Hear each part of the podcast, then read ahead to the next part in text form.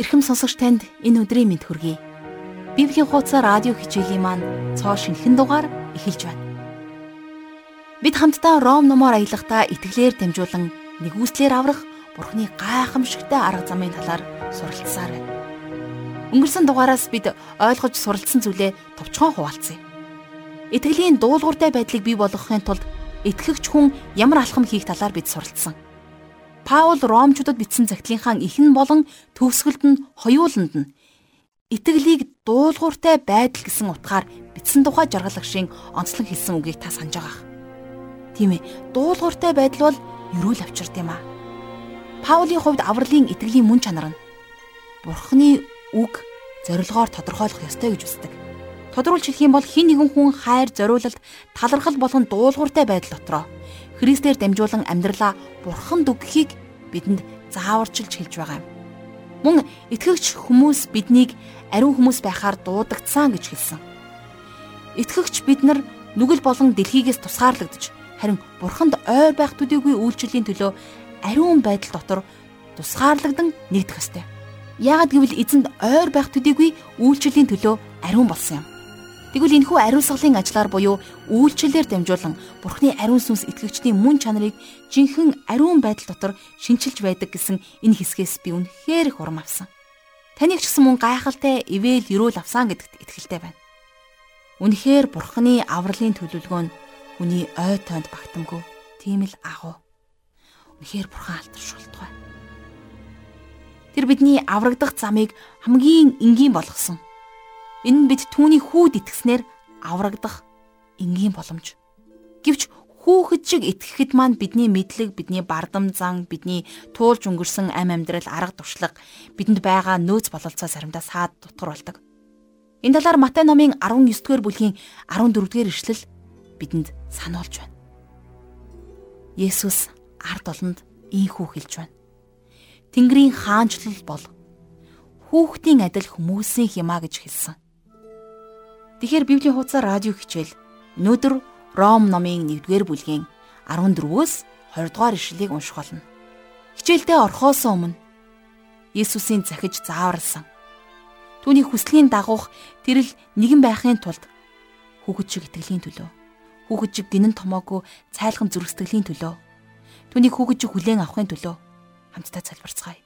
Зүрхсэтгэлээ хүүхдийн адил даруй болгоцгоё.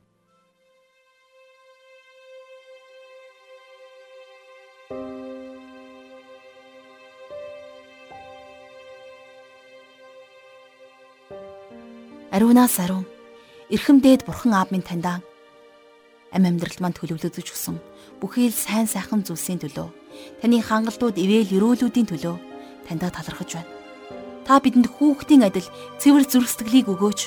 Зөвхөн танд итгэж найддаг байхад минь туслаарай. Зөв ариун үгээр тань ам амьдралаа удирдуулж бүхий л зүрхсэтгэлээрээ эцэг бурхан таньдаа үйлчлэхийг бид хүсэж байна. Эзэн минь ээ таныг энэ дэлхийд туугалахад Та бидэнд өгсөн гайхамшигтай ур чадваруудыг мэрэгнээр ашиглахад та туслаарай. Арт аав минь хичээлийн энэ цагийг эхнээс нь дуустал бид таны моторт өргөж Есүс Христийн нэрээр залбирanгуйж байна. Амен. Харин одоо жаргалах шиг хичээлд анхаарлаа хандуулъя.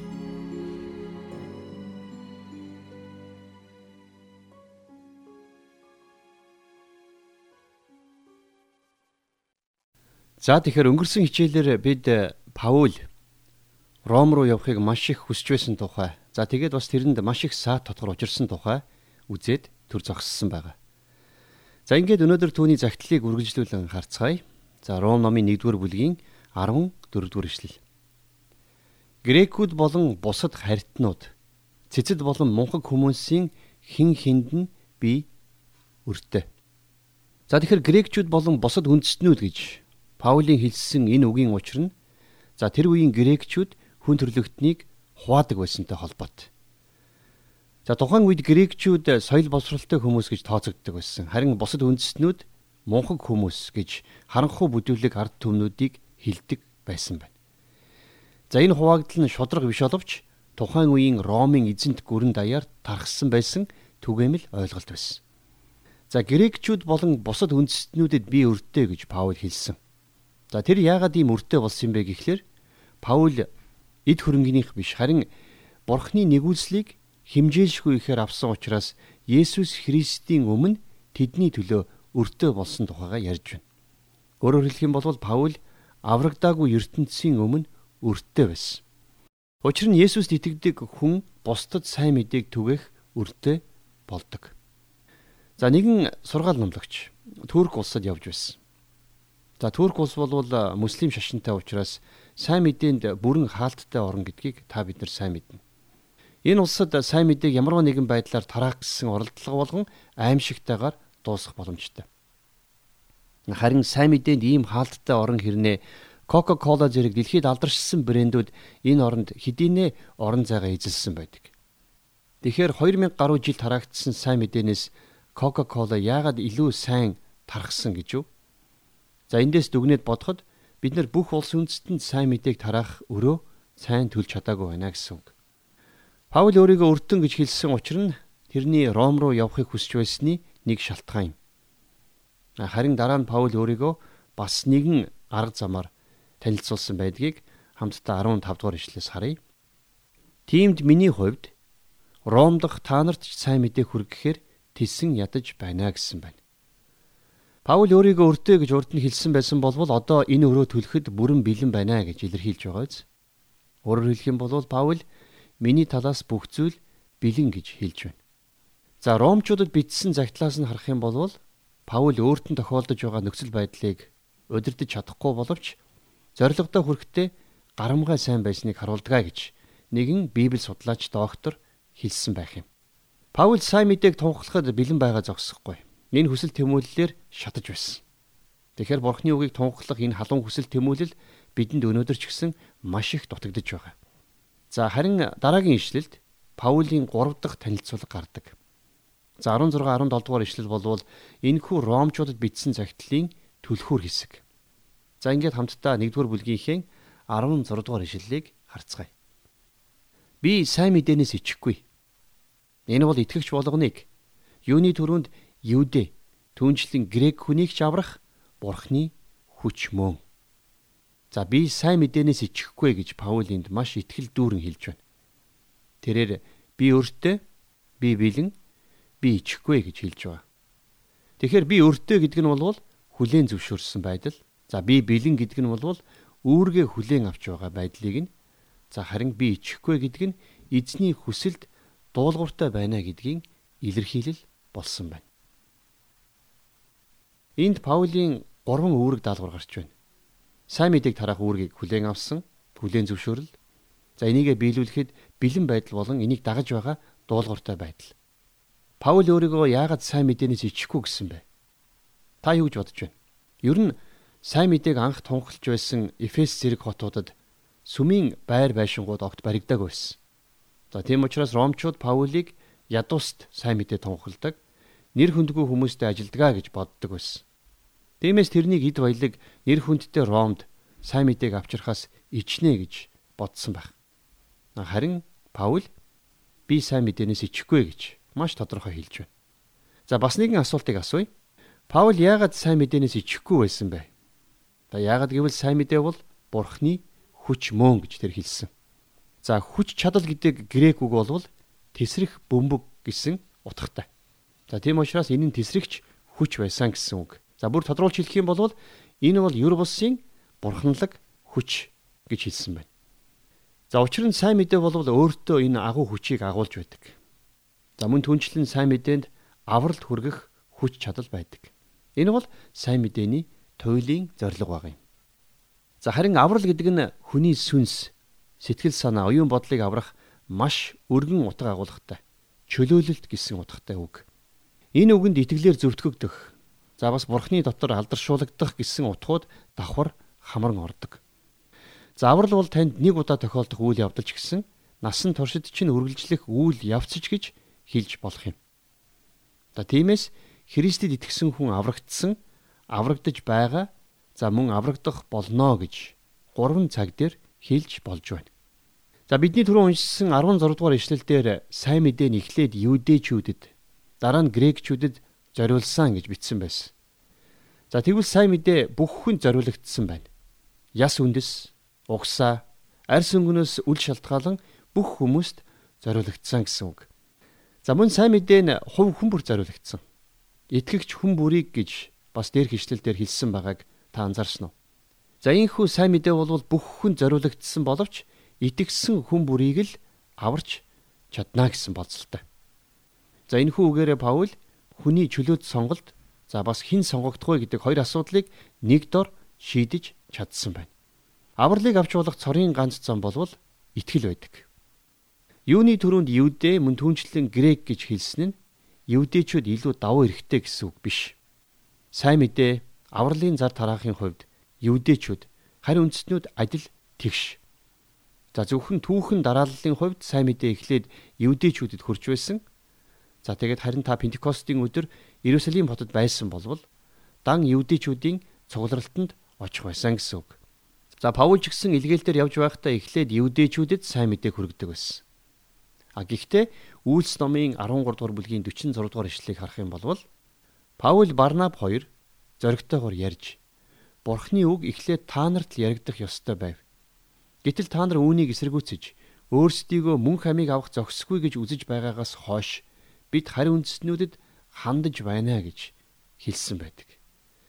Тэгэхээр эндээс харах юм бол сайн мэдээ нь юудэчүүдийн Иерусалим хотоос эхлээд цаашлах юм бол Юудэ аймгаар тархаж Самар за тэгээд дэлхийн хязгаар хүртэл тархсан гэсэн үг.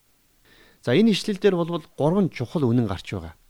Сайн мэдээний хувьд үзүүлэх нөлөө бол аврал хамрах цар хүрээн бүх дэлхий буюу за бас хувь хүн за мөн аврагдах нөхцөл бол зөвхөн Есүс Христэд итгэх байдлаар. За Үлсийн 1-ийн 17 дугаар ишлэлдэр ингэж бичсэн байдаг. Бурхны хүртээх зөвхт байдал нь сайн мэдээний дотор илчлэгдсэн бөгөөд итгэлээс итгэлд хүргэдэг. Учир нь зөвхт хүн итгэлээр амьдрна гэж бичигдсэн байдгаа гэж. Тэгэхээр Бурхны хүртээх зөвхт байдал илчлэгдсэн гэдэг нь бол зөвхөн бурхнаас ирж болох тэр зөвхт байдлын тухай ярьж байна. За хүний зөвхт байдал нь бурхны хувьд бохир байдал гэж хуучин гэрээний зүнж болох Исая 64-ийн 6 дугаар ишлэлдээр бичсэн байдаг. За би нэг уншия. Бид бүгдээрээ бузар мэт болсон бөгөөд бидний бүх зөв зүйлс бохир хувцс мэт байдгаа гэж. За харин Паул Христийн зөвхт байдлын тухай энд ярьж байна. Бурхан алдагдсан гэмт хүнийг Христийн дотор байгаагаар хардаг. Христийн хийсэн ажлаас болж итгэгч хүнийг Бурхан өөртөө бүрэн хүлээж авсан. За тэгвэл Бурханы зөвхт байдлыг авч болох цорын ганц зам болвол Есүст итгэх итгэлээр дамжуулан авах явдал юм. За энэ бол итгэлээр дамжин ирдэг зөвхт байдал. Та энэний төлөө өөрөө зүтгэж энийг авахын тулд ямарваа нэгэн төлбөр хийх боломжгүй. За энийг зөвхөн итгэлээр л хүлээж авна.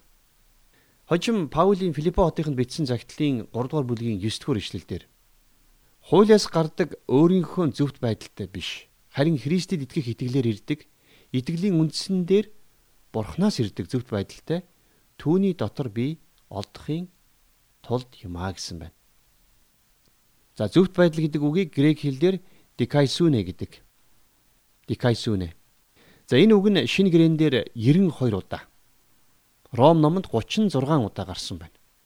Бурханаас ирэх зөвхт байдал гэдэг энэ үг болвол Ром номонд 8 удаа гардаг. За энэ үгний дике гэдэг үндс нь зөв гэсэн утгатай.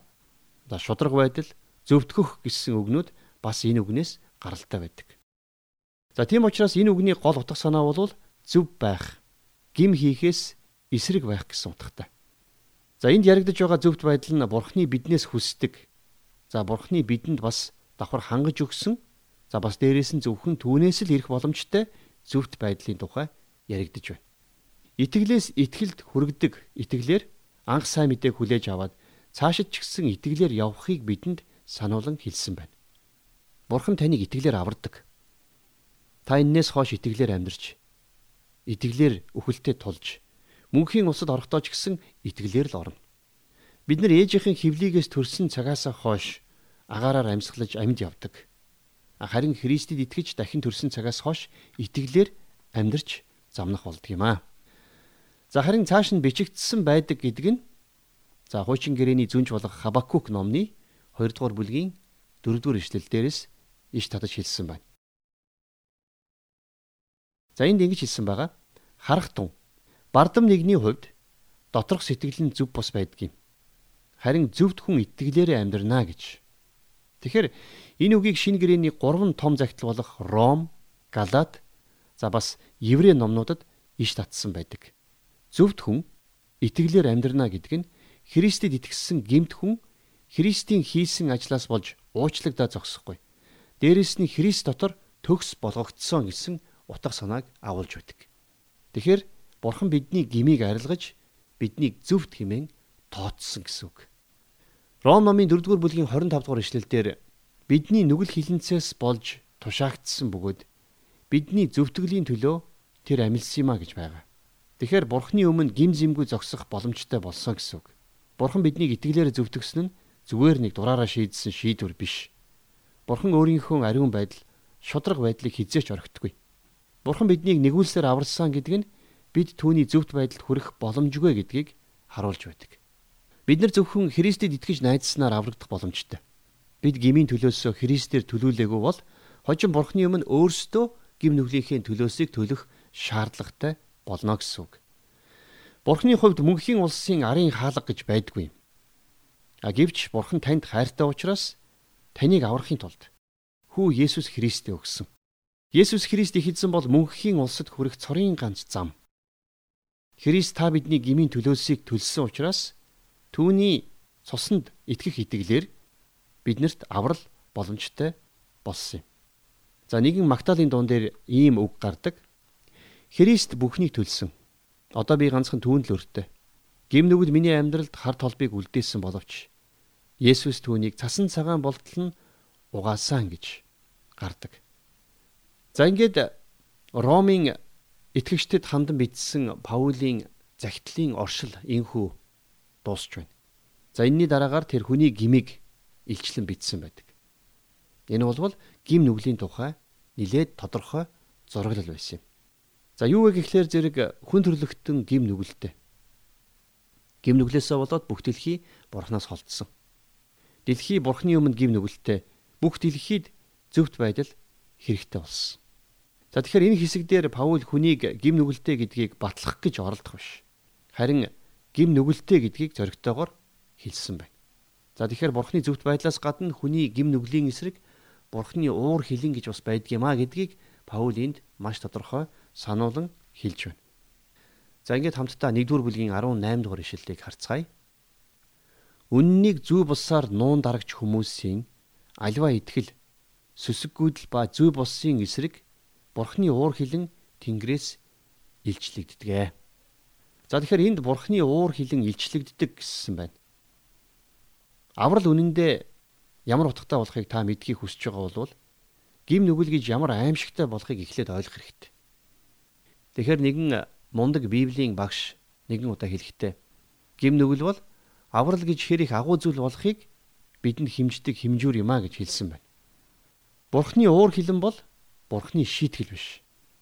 Харин түүний зүрхний мэдрэмж. Энэ бол бурхны ариун уур. Бурхны уур хилэн түүний өөх зөвхт байдлын эсрэг ойлголт. За харин илчлэгддэг гэдэг үг бол бурхны уур хилэн одоо ч гэсэн илчлэгдсээр байгааг бидэнд хүүрнэж байна. За зарим хүмүүс хуучин гэрээг бурхны уур хилэнг, за шин гэрээг бурхны хайрыг харуулдгаа гэж боддог. А гэвч бурхны уур хилэн шин гэрээний үед өнөөдөр ч гэсэн хിവэрэ илчлэгдсээр байгаа. Энэ бол бурхан муу зүйлсийг хизээж таашаадгүй гэдгийг харуулж байдаг. Бурхан хувиршгүй. Бурхан гим нүглийг зүгээр л өнгөрөөдөг учраас биш харин Христ гимт хүний төлөө нас барсан учраас өршөөлөө үзүүлж эхэлсэн. Сайн мэдээ бол Бурханы гимт хандах хандлагыг өөрчлөөг. Сайн мэдээ гимт хүнийг хүлээж авах боломжтой болгосон. Нүгэлт хүн Бурханы зөвхт байдлыг хүлээн авах а эсвэл уур хилэн амсах хоёр л сонголтын өмнө байдаг. Энэ хоёрыг хоёуланг нь Тэнгэрээс илчлэн харуулдаг. Энийг бүх зүйлээс харах боломжтой. Гим нүгэл ямар их хор уршигтай болохыг харахыг хүсэх юм бол бид өнөөдрийн бэлгийн замын халдварт өвчнүүдийг харахад хангалттай. Гим нүгэл хизээч биднийг зүгээр өнгөрөөдөг. Гим нүглийн тухай Тэнгэрээс илчлэн харуулдаг. Тэгээд эцсийн шүүлтийн өдөр ч гэсэн харуулах болно. За харин бурханлаг бус байдлын эсрэг гэдэг нь Бурхныг эсэргүүцэх явдлын тухай ярьж байна. Энэ нь Бурхны зан чанарыг эсэргүүцэгч хүний мөн чанар. Өнөөдөр маш олон хүмүүс бурхныг үгүйсгдэг. За тэгээд энэ үгүйсгэл нь тэдний сэтгэлийн чиг хандлага болоод байна. Энэ бол нүгэл юм. За зөвхт бус байдал нь хүний эсрэг байдаг, харин бурханлаг бус байдал нь бурхны эсрэг байдгаа гэдгийг сайтар ойлгох хэрэгтэй. За энэ нь юу гэсэн утгатай вэ гэвэл бурхан бүхнийг захирдаг болохыг үгүйсгэх явдал. Энэ бол хүний сэтгэлийн үйлдэл хандлага байдаг. Хүмүүс согтуурч завын хөдөлгөөний дүрм зөрчиж хүний амь нас бүрлэхэхдээ зөвхт бус байдлыг үлдэж байна. За бас нэг өөр нэг жишээ болвол бизнес эрхлэхдээ шудраг бус байгаа хүн. Бурхан хүний зөвхт бус байдлыг үзэн яддаг. Тэр зөвхт бус бүхнийг шүүх болно. За тэгвэл үннийг зөвхт бусаар нуун дарагч гэдэг нь үннийг нуух дарагдуулахыг хэлж байгаа. За ийм зүйл хийж байгаа хүмүүсийн эсрэг бурхны уур хилэн астгаа гэсэн үг. За цааш нь 19 дугаар ишлэгийг хамтдаа харъя. Учир нь Бурхны тухай мэдэж болох зүйл тэдний дунд илэрхий байдаг агаад Бурхан тэдэнд үүнийг ил болгосон ажээ гэсэн байна. За энэ ишлэл дээр Бурханаас ирэх хожимын ичлэлтийн тухай гарч байна. За үргэлжлүүлэн 20 дугаар ишлэлийг харъя. ертөнц бүтээгдснээс хойш түүний үл үзэгдэх чанарууд түүний мөнх хүч ба бурхан чанар нь бүтээгдсэн зүйлсээр дамжиж ойлгогдож илэрхий харагдаж байгаа тул тэдэнд шалтак байхгүй. Та бидний амьдарч байгаа дэлхий бурхны талаар хоёр зүйлсийг хэлдэг юм. Түүний хин гэдгийг за мөн түүний хүч чадлыг харуулж байдаг. Энэ дэлхий анх бүтээгдснээс хойш эдгээр хоёр зүйл үргэлж харагдсаар ирсэн. А тэгвэл бид нар харагдахгүй зүйлсийг яаж харж болох юм бэ? Паул хүн төрлөختөн өөрсдийгөө бурхныг харах боломжгүй байсан гэж хэлэх нь эндүүрлээ гэдгийг дээрх ишлэлд хэлсэн байна. Бүтээл нь өөрөө бурхныг илчлэх илчлэлт мөн. Хүмүүс бүтээлийг хараад шууд бурхны тухай ойлгох боломжтой. За дуулал номын 8-ын 3 дугаар ишлэлдэр таны мотрын бүтээл болох таны тэнгэрүүдийг таны цогцлон байгуулсан сар оддыг би тунгаан бодохдоо гэж гардаг болвол за мөн дуулал номын 19 дугаар бүлгийн 1 дугаар ишлэлдэр тэнгэр нь бурхны сүр жавхлан зарлаж огторгуйн түүний гарын бүтээлийг тунхаглаж байна гэж хэлсэн байна.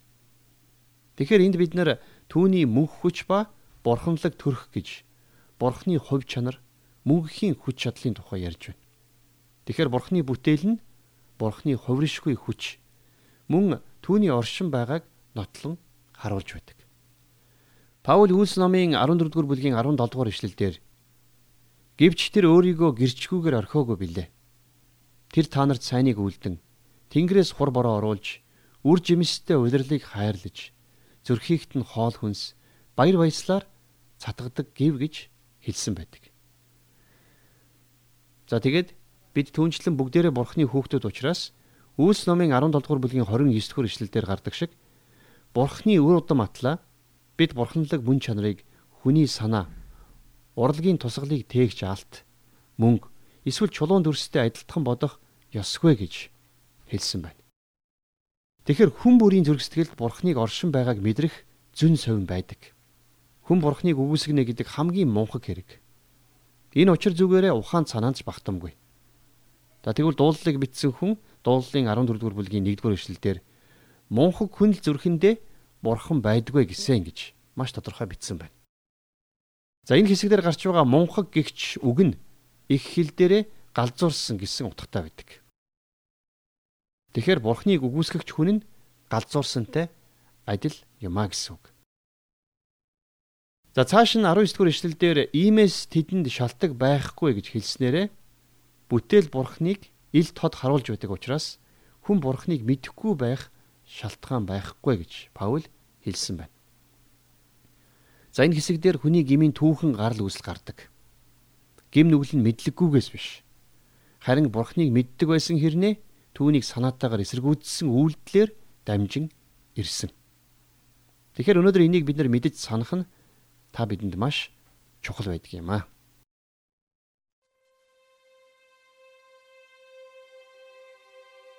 Тэгэхээр өнөөдрийн хичээл зүрх сэтгэлийн маань гүн рүү орж олон чухал зүйлийг дотроос маань нээж харуулснараа гайхамшигтай байлаа. Өөрийгөө би хин нэгэнд мөнгө санхүүгийн ямар нэгэн үр ширгүү байгаадаа баярлаж сэтгэл амар явдаг байсан юм. Гэтэл үр гэдэг зөвхөн эд баялаг мөнгөний тухай ойлголт биш. Ялангуяа Христ итгэгч бидний хувьд бол жинхэнэ чухал зүйл болохыг Илч Паулийн хэлсэн үг дотроос мань хатгаж өглөө. Бурхан миний дааж давшгүй их гим нүглийг авч харин оронд минь надад химжээшгүй их нэгүслээ өгсөн. Тиймээс бид аврагдаагүй хүмүүс түүний сайн мэдээг түгээж агуу их хайр инэрлээс нь хуваалцах өртөө хүмүүс. Хамгийн гол нь энэ үрийг төлөхдөө бэлэн төдийгүй чин сэтгэлээсээ баяр хөөртэй байх болно. Харин Паул элчийн хийснийг санаж байгаах. Тэр миний талаас бүх зүйл билээн гэдгээ бидэнд энхүү загтлаараа дамжуулсан. Харин би танаас асууя. Та Есүс Христийн сайн мэдээг бусад түгээж түүний агуу их нэгүсэл хайр ивэлийг хуваалцахдаа бэлэн байна уу? Түүний үгийг тунгаглах таны халуун зүрх сэтгэл тэмүүлэл түүнд үнэхээр хэрэгтэй. Христэд итгэгчид бид заримдаа Бурхны хүүгийн амиар дамжуулан хүлээн авсан аврал маань ямар их үн цэнтэй болохоо марцчихдаг. Бид энэ агуу их бэлгийг болцолгүйгээр хүлээн авсан учраас үн цэнийг нь ухаарч амьдраагүй байгаа тэдгээр хүмүүст хүрч очих хэрэгтэй. Бурхны нэгүсэл бидний төсөөлж чадхаас ч тийм агуу байдаг. Эзний нэгүслийг ойлгох тусам бид түүнтэй улам илүү ойрхон алхаж чадна. Тэгэхээр жаргал агшийн хуваалцаж байгаа үгнээс өнөөдөр миний зүрх сэтгэлийг хамгийн хүчтэй хөдлөсөн хэсэг бол Паул элчийн би сайн мэдээнээс ичихгүй. Би өртөө. Би бэлэн. Би ичихгүй гэсэн маш ихтгэл дүүрэн эдгээр үгс байлаа. Энэ үг танд ч гэсэн үнэхээр их урам зориг, ирч хүч, хайр ивэлийг бэлгэлсэн гэдэгт итгэлтэй байна.